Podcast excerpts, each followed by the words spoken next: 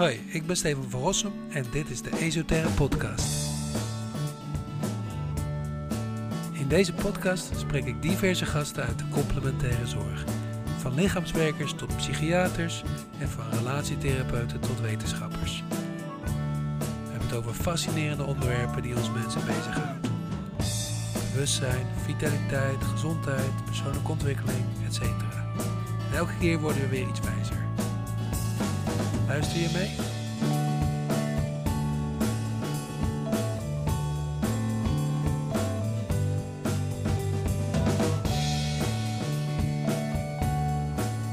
Ja, hartstikke leuk. We hebben vandaag uh, een, uh, voor het eerst in onze podcastserie een terugkerende, terugkerende gast. En uh, dat is omdat we gewoon heel veel positieve reacties kregen over de podcast met Jos Olgers. De vorige ging over overdracht en tegenoverdracht. Maar Jos heeft een boek geschreven waarin nog veel meer relevante, interessante thema's staan die uh, elke therapeut eigenlijk uh, door moet nemen en moet beheersen. En daarom leek het uh, ons leuk inderdaad om daar nog eens op terug te komen. En in deze podcast gaan we het hebben over grenzen. Want ja. ook die zijn relevant. Ja, en vooral over dilemma's die daarbij te, te sprake komen. Ja, precies ja, want uit grenzen komen dilemma's. Hè? Waar liggen de grenzen? En ja, er zijn eigenlijk meer grenzen dan je zo op het eerste ogenblik uh, kan bedenken. En uh, we gaan het eens even doornemen, Jos, in, uh, in een gesprek. Ja, helemaal goed. maar als ik mag meteen dan van, van start gaan, toevallig een actueel probleem of gegeven, dilemma, zoals je zegt. Um, ik had van de week een online les en toen zeiden studenten, we hadden het over gespreks vorming, gesprekstherapie bedoel ik. En van de week zeiden studenten dat ze van een, psycholoog hadden geleerd dat ze nooit persoonlijke dingen mogen meenemen of benoemen, bespreken in een intakegesprek. Terwijl ik dat juist wel deed. Um, dus daar gingen we het over hebben. En ik dacht, dat is ook een leuke vraag, openingsvraag voor jou. Um, wat vind jij daarvan? Hoeveel, hoeveel breng je jezelf in? Hoeveel deel je van jezelf als therapeut in een gesprek, in een therapie? Ja. ik denk dat dit net zoals alle dingen die ik waarschijnlijk zal vertellen, heel erg veel te maken hebben met ook wat ik zelf vind. Maar het is wel onderbouwd. Uh, wanneer een cliënt bij mij komt, dan komt hij voor een doel bij me. En dat doel is om uh, ja, behandeld te worden. Dat doel is om iets te doen aan zijn klacht. Hij komt er niet voor mij, zodat ik gewoon leuk over mijn vakantie kan praten of over de problemen met mijn ouders. Eh, maar de cliënt komt voor zichzelf. Dat betekent dus dat mijn gedrag en de dingen die ik doe, uh, ja, wel in, in het kader moeten staan van de behandeling van mijn cliënt. Uh, en niet in, dus, dus het moet mijn behoefte niet zijn om iets te gaan vertellen over wat ik doe. Ik moet er een doel mee hebben. En het kan zijn dat ik uh, bijvoorbeeld na een vakantieperiode uh, gebeurt het vaak dat je toch weer onwennig tegenover elkaar zit, van een tijd elkaar niet gezien te hebben, misschien een heleboel meegemaakt, uh, dat je op dat moment heel even ja, met elkaar even praat van, goh, heb je een leuke vakantie gehad? maar dan gaat het er niet over dat je gaat vertellen waar je precies allemaal geweest bent en wat je allemaal meegemaakt hebt en uh, hoe de oezo smaakte. En, en, dat is allemaal niet belangrijk. Maar gewoon heel eventjes gewoon hè, even ja, aan elkaar ruiken. Even elkaar weer, weer weten, oh ja, jij bent die. Een kopje koffie, kopje thee erbij. En na drie, vier, vijf, hooguit vijf minuten begin je gewoon weer te werken. Het voordeel is ook dat je ja, weer je goed kan afstemmen op elkaar. Uh, binnen de hypnotherapie hebben we daar het woord rapport voor. Ja. Uh, rapport is dat je afstemt op je cliënt, en je, dat je daardoor elkaar volgt en net even wat gemakkelijker, je cliënt net even wat gemakkelijker met jou meegaat in wat je doet. Nou, dat is gewoon best belangrijk op zo'n ogenblik. Uh, er zijn natuurlijk ook momenten dat je misschien iets uit je eigen leven zou kunnen vertellen, um, omdat je dat ook meegemaakt hebt. Nou zijn er twee categorieën. De ene categorie die we ook kennen van twee vriendinnen of vrienden die elkaar ontmoeten of mensen in de kroeg van, hey, ja, dat heb ik ook meegemaakt. Goh, ja, nee, wat vreselijk. Oh, wat ontzettend leuk. Ja, nou. Nou, dan zit je dus met elkaar verschrikkelijk in de match. Dan heeft het niets met therapie te maken. Dan kan je het heel erg gezellig met elkaar hebben, elkaar heel erg vinden. Maar dan heb je er niets aan. Soms kan het gebeuren dat je uh, een, een, een, iets uit je eigen leven een voorbeeld is. Een soort metafoor ja. uh, voor je cliënt. Dat die cliënt zich af gaat vragen, verrek, hey, hoe heeft Olgers, dat ben ik hè, hoe heeft Olgers dat nou opgelost? Uh, en die zit dan te luisteren en dan is er ergens een onderbewust stemmetje die denkt, hey, verrek, zo zou ik het ook kunnen aanpakken. Dan ben ik heel bewust bezig om dat te doen. Dan hoeft dat zelfs niet eens altijd 100% waar te zijn. Hmm. Ik volgde ooit eens een uh, cursus in therapeutische metaforen bij David Gordon. David Gordon is de, de, de beroemde uh, metaforenman uit de NLP. Boeken van Bentham Grinder wordt hij ook vaak in genoemd. Dat zijn de grondleggers van de NLP. En tijdens die workshop vertelde hij dat hij ook allerlei metaforische situaties vertelde over die zijn broer allemaal meegemaakt had. Terwijl zijn broer daar helemaal nooit iets aan meegemaakt heeft. Hij had niet eens een broer. Nou, ik heb geen broer in ieder geval bijvoorbeeld. Je moet, ik weet niet of het slim is om dan te zeggen, mijn broer heeft het meegemaakt en je hebt geen broer. Want dan moet je wel de rest van de tijd die leugen blijven onthouden. Eh, maar je, ja, je kunt je broer wel in een rare situatie zetten waar hoe die geniaal eruit gepakt gestapt is. Ja. Dat zijn ook voorbeeldjes waar je aan zou kunnen denken dat je iets privérigs vermeldt. Wat je ook heel privé is, is natuurlijk hoe je je werkkamer inricht. Uh, ik, ik, ken therapeuten die uh, hun werkkamer strak inrichten alsof dat de uh, ja, de werkkamer is van de tandarts. Uh, en ik ken ze ook die ze inrichten met brandende wierookjes, vier Boeddha-beelden, verse bloemen. Het is allemaal heel prachtig. En dan nog een heel mooi Indiaas muziekje op de achtergrond. Het is echt schitterend. Ja. Alleen, als je als cliënt daar niks aan hebt en niks mee hebt, dan, dan is dat verschrikkelijk. Ja. Vandaar dat ik eigenlijk denk dat je uh, ook een werkkamer mag wel iets van je persoonlijkheid laten zien, maar is vooral neutraal. Hè? Uh, en en op, het kan ook warm zijn. Mensen moeten zich er over het algemeen welkom voelen. Ja, ja. eigenlijk alles wat je laat zien van jezelf, als in je, in je werk, van jezelf, is eigenlijk iets dat uh, bewust gericht moet zijn heeft bij cliënten baat bij. Uh, en als eigenlijk ik degene ben die er baat bij heeft, nou, dan moet ik dat niet doen. Dan moet ik dat achterwege laten. En als die kamer ingericht is zoals ik dat alleen maar leuk vind, uh, doe ik dat met mijn huiskamer wel. Hè? Nou, ik hoop dat je vraag een beetje beantwoord is. Jos, ik, ik uh, heb ook een keer een therapeut gesproken, Tom Myers, niet de minste, die van Anatomy Trains. En die vertelde, en nu geeft hij geen therapie meer hoor, maar die vertelde dat hij, dat hij zijn klanten uh, telefoonnummer van hem meegaf en dat ze hem dag en nacht mochten bellen. En dat als er wat was, dat ze naar, naar hem toe konden gaan. Uh, ja, ik vond dat nogal ver, ver gaan. Ik zou het zelf niet zo willen, maar wat zijn jouw ideeën daarover wat betreft de begrenzing? Ik vind het in eerste instantie wel heel erg aardig als iemand daartoe bereid is. Maar het betekent ook dat je je cliënt de ruimte geeft om uh, ja, je privéleven dag en nacht binnen te mogen te kunnen vallen, wat je ook aan het doen bent. Uh, uh, ook als je dingen aan het doen bent in je privéleven, die ook echt nodig zijn voor jezelf. Voor mij wordt een goed gesprek even met je met je partner of je kinderen, of misschien met elkaar aan het vrijen bent, of in de winkel staat. Ik vind het allemaal uh, best wel een enorme inbreuk die je cliënt laat mogen doen in jouw privéleven.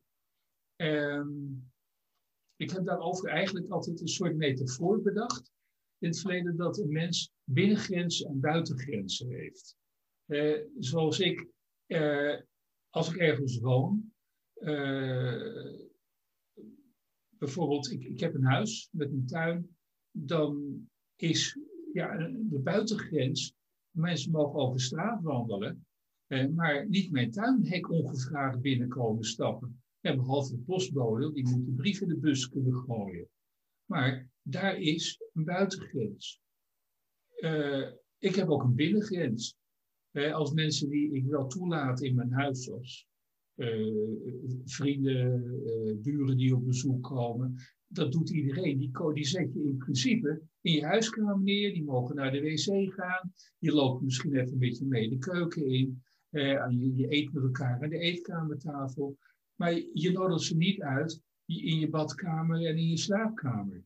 Dat is een heel erg privéstuk. Dat is je eigen binnenwereld. Dat is je eigen uh, leefwereld. Dat is van jou.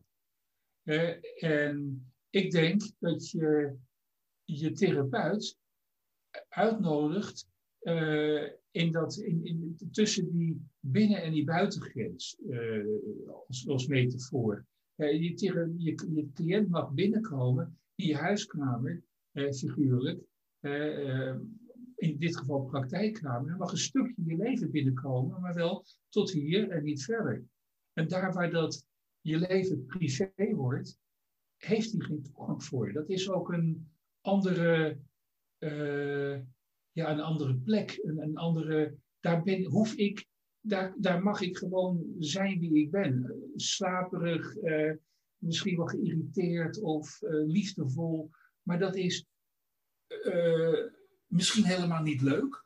Hè, maar dat is mijn eigen privéstuk. Ja. Mijn privédomein. En in, dat, in dat, die binnenwereld mag die cliënt is welkom gedurende een bepaalde tijd in die, die binnenwereld, wat niet mijn directe binnenwereld is, maar die, die, die, die tussen de buitengrens en de binnengrens in. En daar is hij welkom een uur lang, twee uur lang. Uh, en ja, dan moet hij eigenlijk weer weg zijn. Letterlijk, maar eigenlijk ook figuurlijk. Dan moet ik ook weer de ruimte kunnen hebben voor een volgende cliënt. Dan moet er niet nog een keer ineens een cliënt tussendoor kunnen gaan bellen terwijl ik met een ander bezig ben. Uh, dit is, uh, dat, voor mij is dat in ieder geval heel erg belangrijk om te doen. Ja. En, en, ja, daar, daar, dat, is, dat is één stuk. Het andere stuk is, ik of, ben ik helder overigens in mijn beschrijving van binnengrenzen en buitengrenzen daarin? Ja, volgens mij wel. Ik, ik snap het. Uh, ik moest ook even denken aan een, uh, uh, een guest bathroom. In Amerika heb je ook zeg maar, een, een wc, of in die grote huizen heb je een wc die alleen voor de gast is, weet je wel. En dat, dat, dat, daar moest ik even aan denken. Dus ik denk, dat is heel helder, ja. Ja nee, maar, en het andere is wat je wil vertellen? Ja, het andere is dat je therapeutisch ook kunt afvragen of het een goede zaak is. Ja.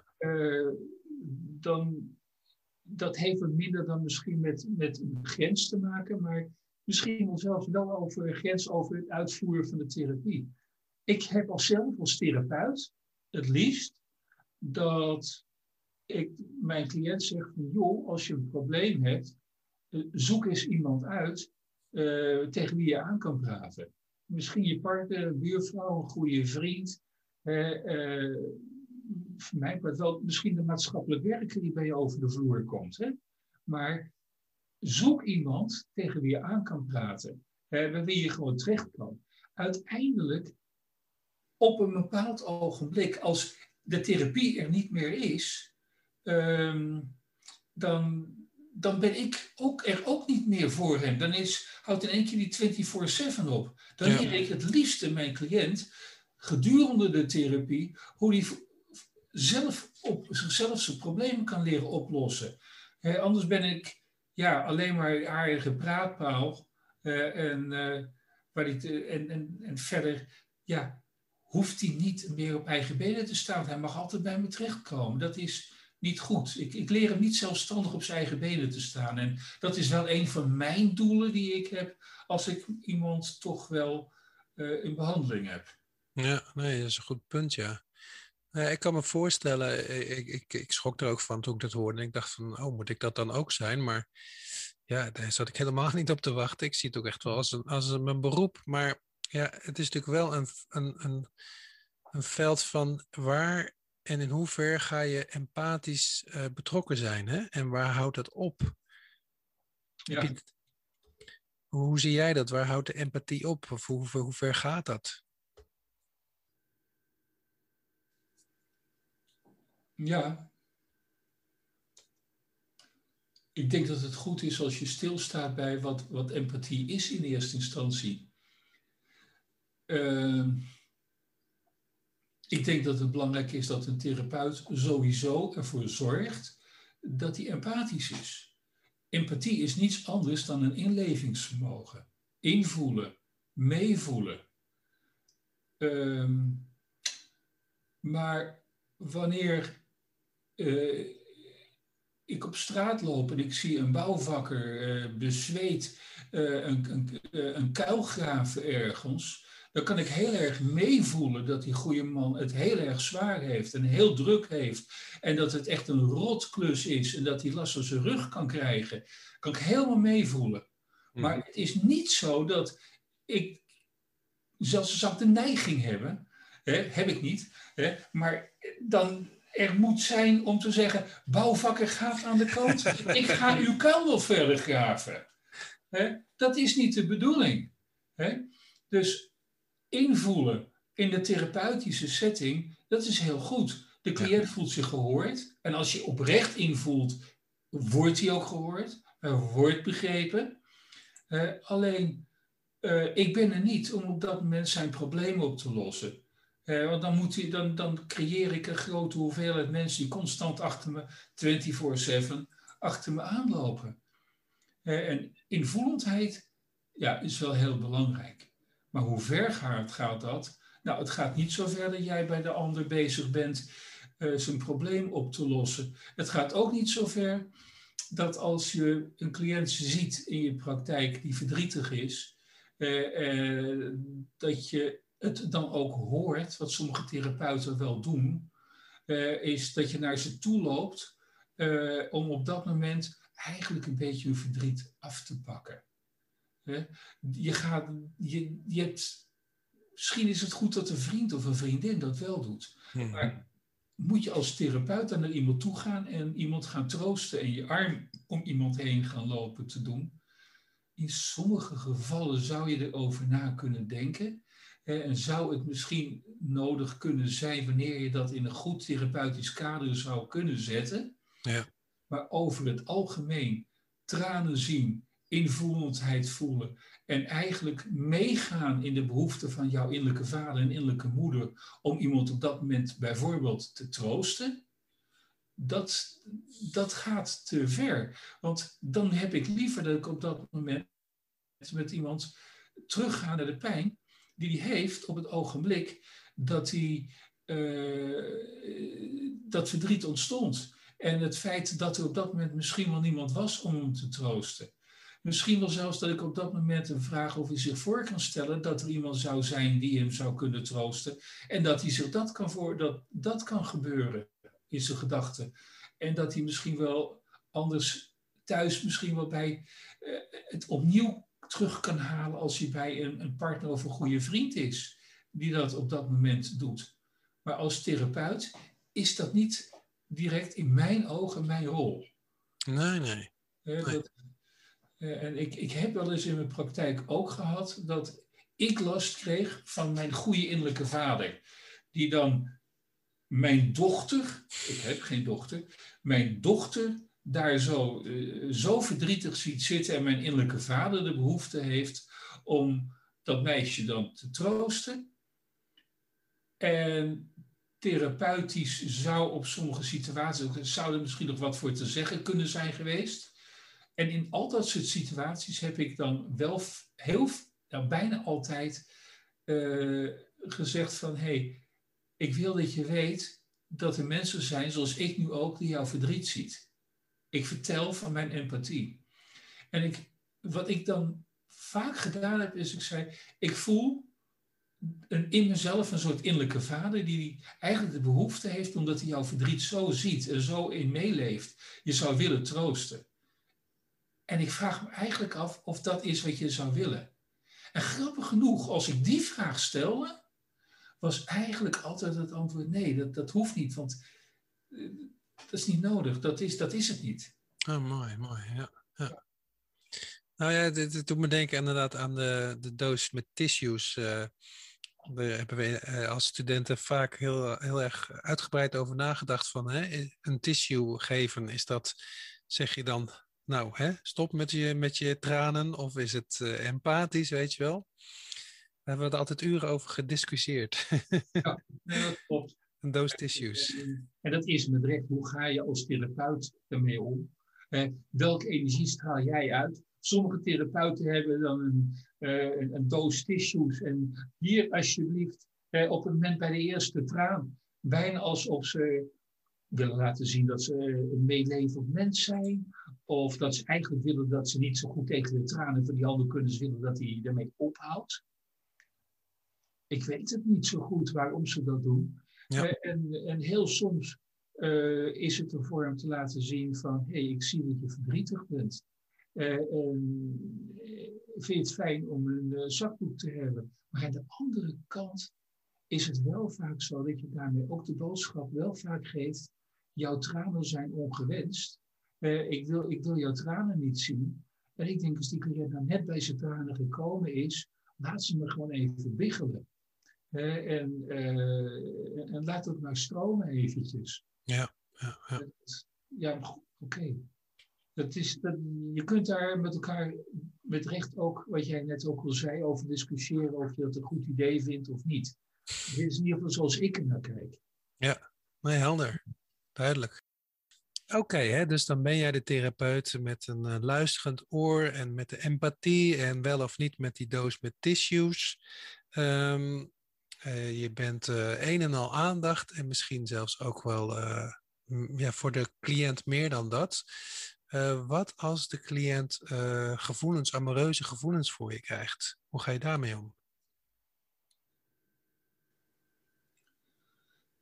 Lastig. een lieve vrouw thuis. ik sta er niet voor open.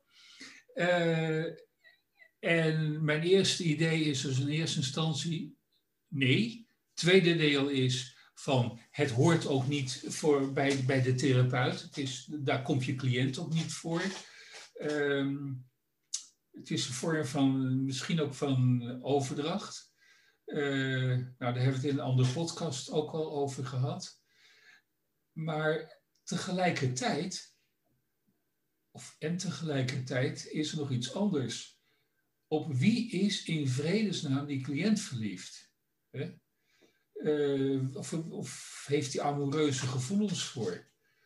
Uh, ik had het net al eventjes, benoemde ik dat die binnen- en buitengrenzen. Mijn cliënt kent mij niet in mijn binnengrenzen, achter mijn binnengrenzen. Die, mijn cliënt kent mij als die meneer die in een hele ideale uh, situatie zit, die goed luistert, heel geïnteresseerd is, maar één doel heeft, dat mijn cliënt gelukkig wordt, uh, problemen opgelost worden. Daar stop ik al mijn kennis, kunde, waar mogelijk ook uh, waar, liefde in. En ik kan zou me zo kunnen voorstellen dat wanneer je het in je leven ontbeert, dat uh, iemand met volle aandacht en interesse naar jou wil luisteren, naar wat je echt wil zeggen, zonder te horen dat je niet oké bent, zonder dat iemand uh, tegen jou zegt hoe je het doen moet, maar jou vraagt hoe zou jij het eigenlijk willen. En als je niet weet, zullen we het samen uitzoeken. Dan heb je op dat moment wel een hele ideale meneer of mevrouw tegenover je zitten.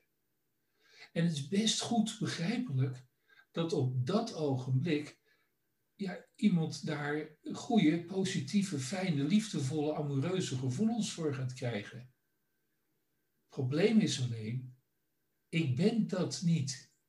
Ik ben misschien daarna ook wel een stuk zagrijn en heb misschien ook wel als mens ook zelf wat aandacht af en toe nodig. Uh, ik, ik heb ook misschien wel op mijn verlangens, die niet altijd gelijk lopen met die die mijn cliënt zou hebben.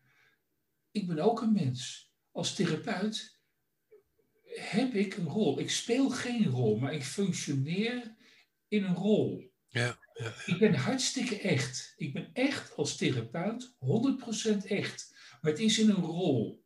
Zoals ik naar uh, mijn zoon en zeker toen hij nog een klein kind was, in een andere rol zit dan ik naar uh, mijn vrouw zit. Ja. En in beide gevallen heel oprecht, heel, mogen me allebei diep in mijn hart raken, maar het is een andere rol. Je staat op een andere manier, ga je met ze om. En dat is met mijn cliënten, is dat hetzelfde. Uh, en vanuit, en die cliënt die vindt ja, die moet, als het goed is, jou misschien wel de leukste, liefste, beste therapeut van de wereld vinden, maar wel therapeut. En niet uh, de meest beste, leukste, aardigste persoon. Nee, precies, ja. Dat is anders. Dat me een beetje denken, ik had het eerder over een uh, gastentoilet, hè. Een Mhm. gastentoilet is uh, natuurlijk netjes en het ruikt lekker en zeepjes en zo. Hè, maar dat is misschien niet met je eigen toilet zo. dus ze worden, ze worden verliefd op een ander toilet.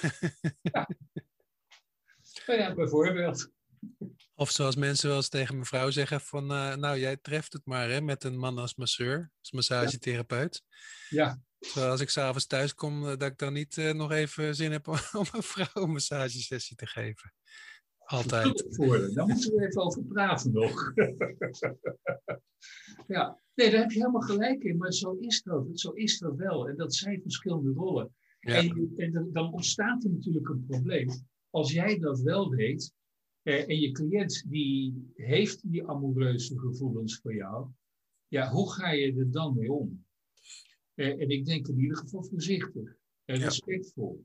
Ja. Eh, en uh, het mooiste wat ik wel eens van iemand hoorde in dat soort situaties, dat ging er niet om als therapeut-cliënt, maar twee mensen die elkaar in een cursus ontmoet hadden, waarvan de een de ander gewoon zo ontzettend leuk vond en de ander echt iets had van ik wil geen relatie of wat dan ook.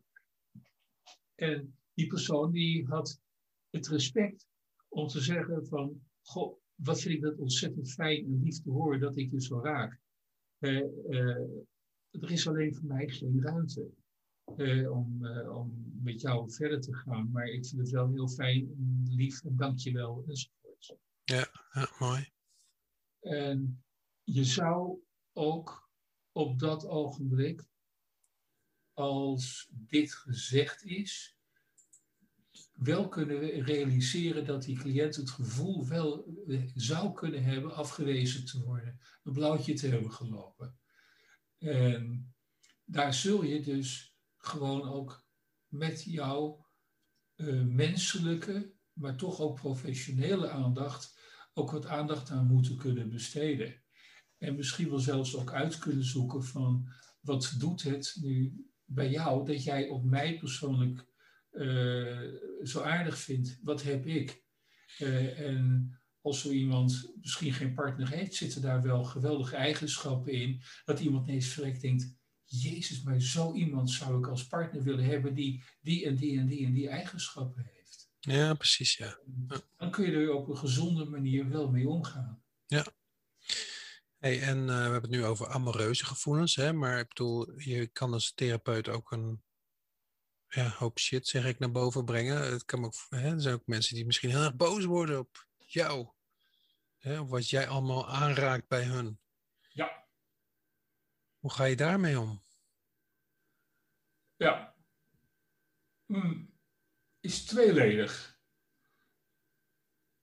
Um, de allervervelendste, allerlastigste is als de cliënt. Uh, ik zit in een rol als therapeut, maar de cliënt zit ook in een rol als cliënt. Ja? Nou ben ik meer verplicht, van, vind ik, om in mijn rol te blijven en mijn cliënt minder om in zijn rol of haar rol te zitten. Maar je zit wel in een rol.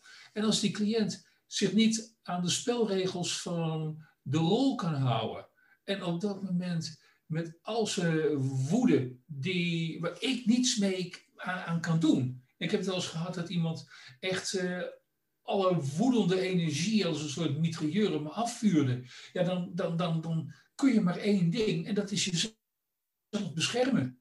Hè? En dan zijn er twee mogelijkheden. Dat is de ene, wacht eventjes, ik ben Jos, jouw therapeut. Hè? Hier zit de Jos waar je boos bent, waar je misschien een projectie uh, van bent. Ik heb je niks gedaan net. Hè? En als je dan met die mitrailleur wil schieten, zou je eens kunnen kijken of je op die kan schieten. Ja? Of je die leeg kan schieten op die, op, op, die persoon die dat, waar ik ook alleen maar uh, een spiegelbeeld van ben. Als dat lukt, dan kan je geweldig therapie voeren. Want dan kun jij vanuit een derde rol, vanaf de zijkant, zeggen van... Hé hey, cliënt, jij, uh, je bent nu zo ontzettend boos. Wat gaat er door je heen als je schiet op die persoon? En dan schiet hij niet meer op mij, maar dan ben ik met mijn therapie weer verder aan het gaan. Ja. Uh, dus dat is één. Als de cliënt dat niet kan, hebben we een ander probleem. Dat betekent dat ik moet zeggen, als jij op dit moment op punt staat mij energetisch, maar of ook fysiek in elkaar te willen timmeren, is er, zijn er twee mogelijkheden. Ik beëindig nu de sessie, uh, of ik schop je de deur uit, of stop met wat je nu doet.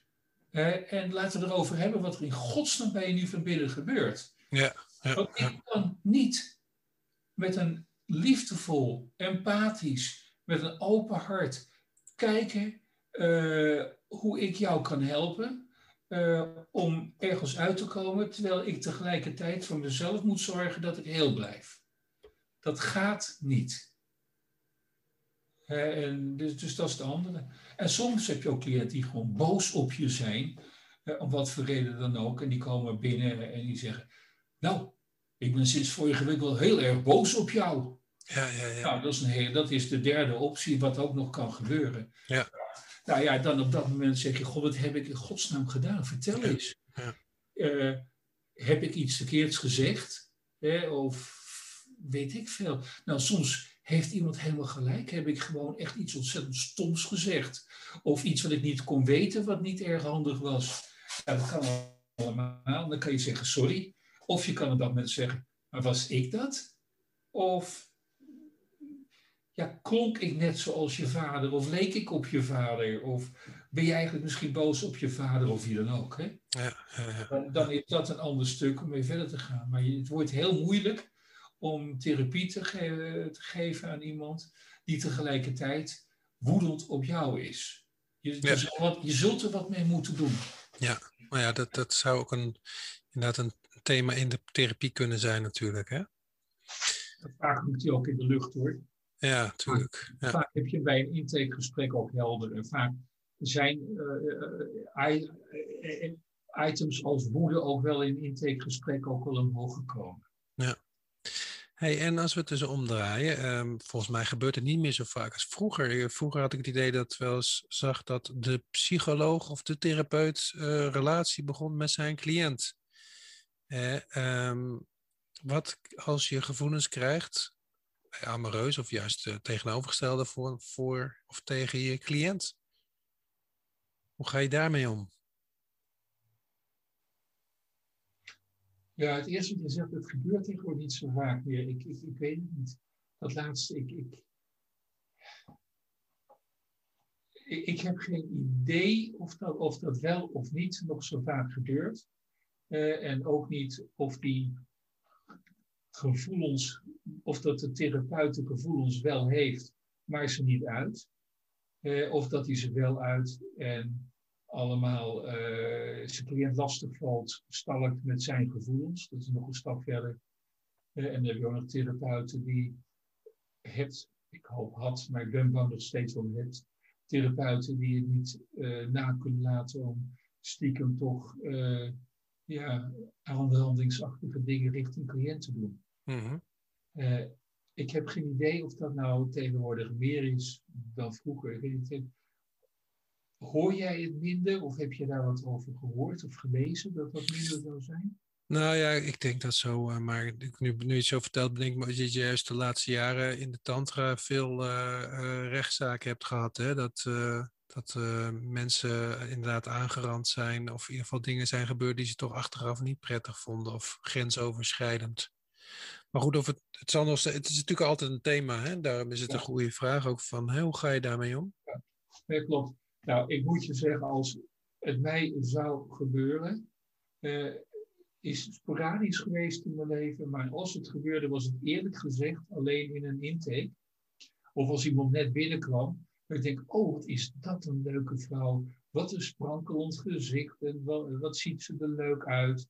En wat glimlacht ze ook nog leuk. Uh, en meestal op het ogenblik dat dat het geval is, klik bij mij dan de rol van therapeut ook aan. Want die mevrouw komt wel, uh, ik op vrouwen, uh, bij mij, om ergens aan te werken en niet om bemind te worden.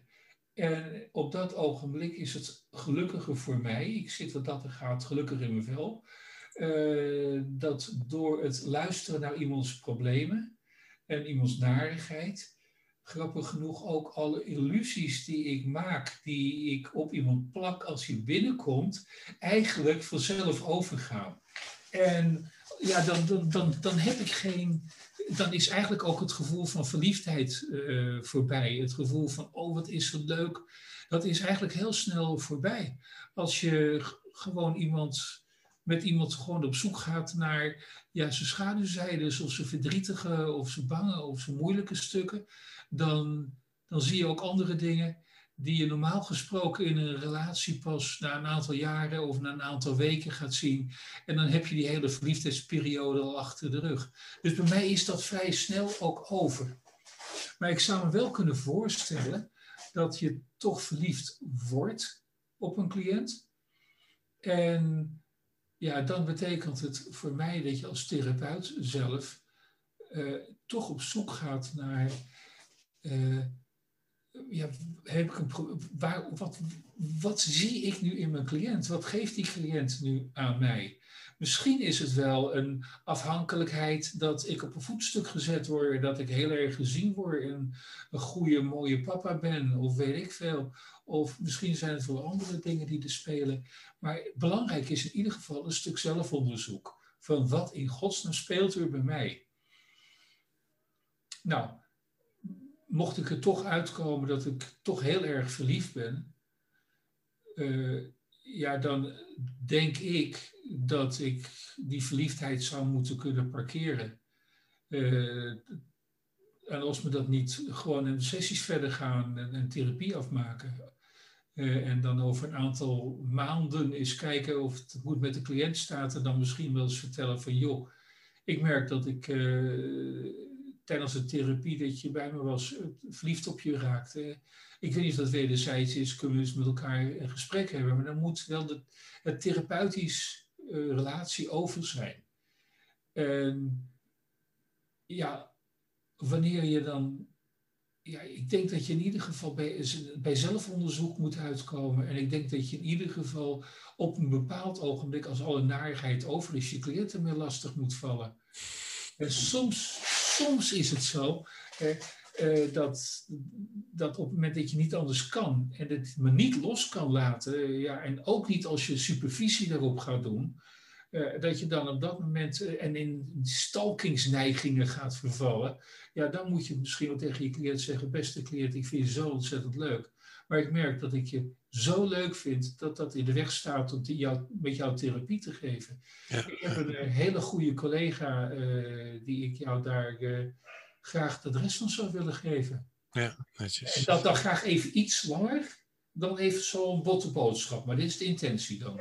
Ja, Nee, ik snap het. Mooi, mooi. Ja, nou heb je ook wel eens, uh, dit gaat ook over grenzen, therapeuten die op feestjes uh, jou aanklampen of op andere mogelijkheden, maar die, die ongevraagd therapeut worden, die, hè, die precies weten wat jij nodig hebt. En ja, soms wordt het nog erger als jij het daar niet mee eens bent hè, of, of, daar helemaal niet voor komt en dat ze jou gaan lopen therapeuten. Wat, wat vind je daarvan? Zo herkenbaar. zo begrijpelijk. Je bent zo enthousiast, zeker in het begin van je, van, van, van je opleiding, je werk, uh, met al die dingen die je geleerd hebt. En je zit met er zo vol van. Dus het is zo heerlijk om dan de hele wereld te vertellen wat je doet en hoe mooi het is, hoe leuk het is. En dat is wel het geval. De vraag is alleen of het verstandig is.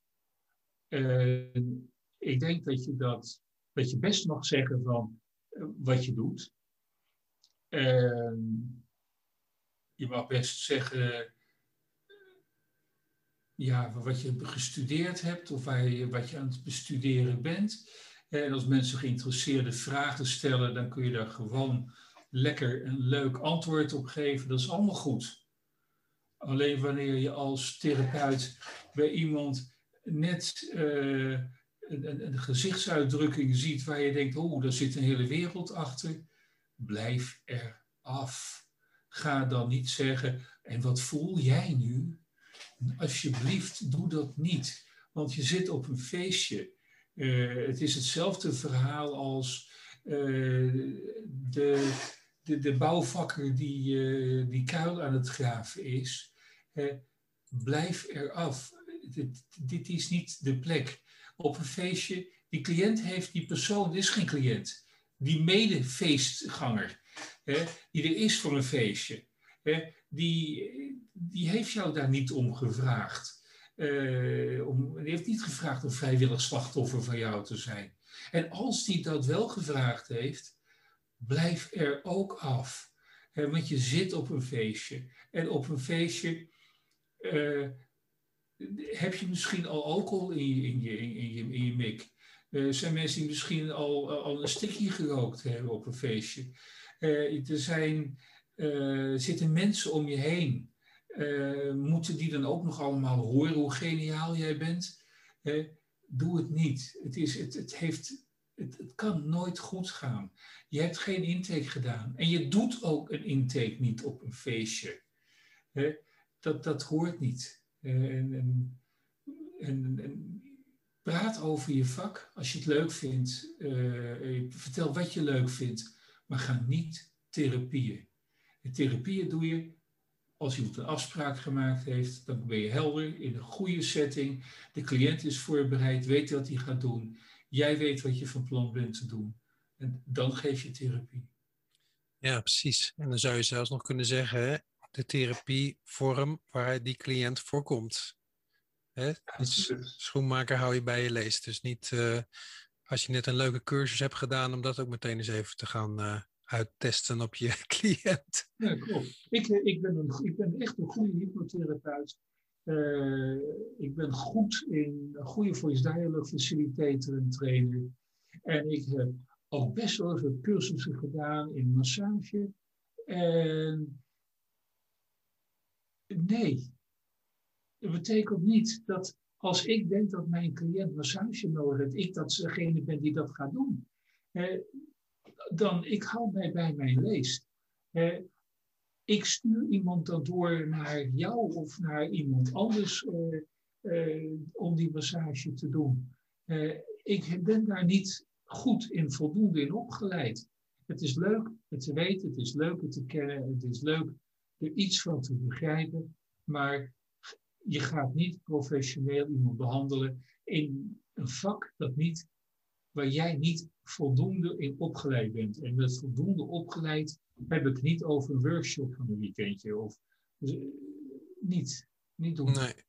nee, maar zelfs al ben je er heel erg bedreven in. Uh, als je een pak uh, yoghurt wil kopen, dan moet je niet iemand een pak melk aansmeren. Hè? Oh, nee, zeker niet. Nee, dat Ik doe even op wat jij me laatst vertelde van die uh, arts die jij bezocht, die met uh, persoonlijke affirmaties aan de slag was geweest of zoiets.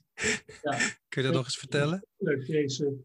Ik was bij een, een alternatieve arts, een officiële arts. En ik was daarvoor een, een, een, een klachtenis te bespreken. En die had op dat ogenblik bedacht dat het wel heel erg goed was. En dat bracht ze ook alsof het echt ja, het, het was wat je zou kunnen doen. En dat was tegen zeggen tegen jezelf een paar keer per dag: Ik hou van mezelf. En dat moest je voelen. En dan zeggen: Ik hou van mezelf. Dan denk ik: Ja, mevrouw. Uh, ik weet waar het over gaat. Maar kent u mij? Ik, kent u, uh, ik heb hier uh, een boek, mevrouw, daar staat het in. Ik heb het zelf opgeschreven. Staat meer in dan dat alleen. Maar ik heb dat. Hè? Uh, ik weet waar het over gaat. Wat heeft u daaraan geleerd? Hè? Ja, die, weet u wie ik ben? Ik heb dit soort dingen al vaker gedaan. Dat, dat, dat is gepasseerd station. Dring het mij niet op. Ik kom bij u voor iets anders. Ik heb een medisch probleem waar ik uw hulp bij nodig heb. En ik wil niet dat u op mijn stoel gaat zitten om dan op een volledig debiele manier ook nog mezelf te moeten gaan laten behandelen die niet past. Punt. Punt, ja. duidelijk, helder. Maar goed, duidelijk helder grenzen. Hè? Ja. En daar hebben we het eh, deze, deze, eh, dit gesprek over, over grenzen. En eigenlijk uh, zei je de, de rol van de therapeut. En uh, nou ja, goed, dat vind ik nog leuk om even te benoemen. Dat de rol, hè, soms klinkt dat voor mensen als, uh, als uh, niet authentiek. Hè, als je een rol hebt of speelt. Maar het is geen spelen van een rol, je hebt een rol. Altijd, ja. Jij hebt ook een rol. Jij bent nu. ik, ik, ik ken je en ik weet dat je gewoon Stefan bent. Hè? Maar ik weet ook dat als je voor de klas staat, dat je een beetje anders bent. Stefan de docent. Ja. En als je thuis met uh, je, je partner bent, uh, ben je ook een ander. En als je met je kinderen bent, ben je ook. En je bent overal echt. Je bent niet onecht. Maar het zou raar zijn als je tegen mij nu gaat lopen te doen alsof ik je kind ben of zo. Ja. ja. Of je partner. God betere. Jos, uh, terugkijkend of terughorend, terugmijmerend, uh, wat, wat heb jij nog ter afsluiting te zeggen? ik denk dat het goed is als mensen daar bij dit soort dingen ergens, dat zou mooi zijn. Als mensen een gevoel hebben gekregen wanneer er iets zou kunnen spelen. Uh, dat zou ontzettend te gek zijn. Dan weet je op dat ogenblik, uh, als, als je voelt dat er zoiets in jezelf speelt, dat er misschien ergens een waarschuwingslampje hangt. En als je ervoor kan zorgen uh, dat jij dan bij jezelf even te raden kan gaan wat er aan de hand is. Uh, ben, passeer ik niet mijn rol? Uh, ga ik niet over de grens van een ander heen? Of laat ik een ander mijn grens niet passeren? Ben ik nog steeds bezig met mijn vak als therapeut? Uh, en kan ik niet anders, laat ik in godsnaam ergens naar een collega gaan of naar een goede supervisor gaan die mij daarmee kan helpen. Het is niet erg als je de neiging voelt om uh, ergens een valkuil in te kukelen. Het is wel oerstom als je er niks aan doet en gewoon doorgaat. Ja, ja. Maar dat lijkt me toch een hele mooie afsluiting. Ja, heel erg mooi. Deze podcast is gemaakt door interviews Stefan van Rossum, redactie Esme Donker en Maurice de Gruiter. Muziek is van Stefan Alexander. Heb je interessante gasten of onderwerpen? Laat het ons weten. Vind je de podcast leuk? Vertel het aan andere mensen. En volg ons op Soundcloud, Spotify en iTunes. Bedankt voor het luisteren en tot de volgende keer.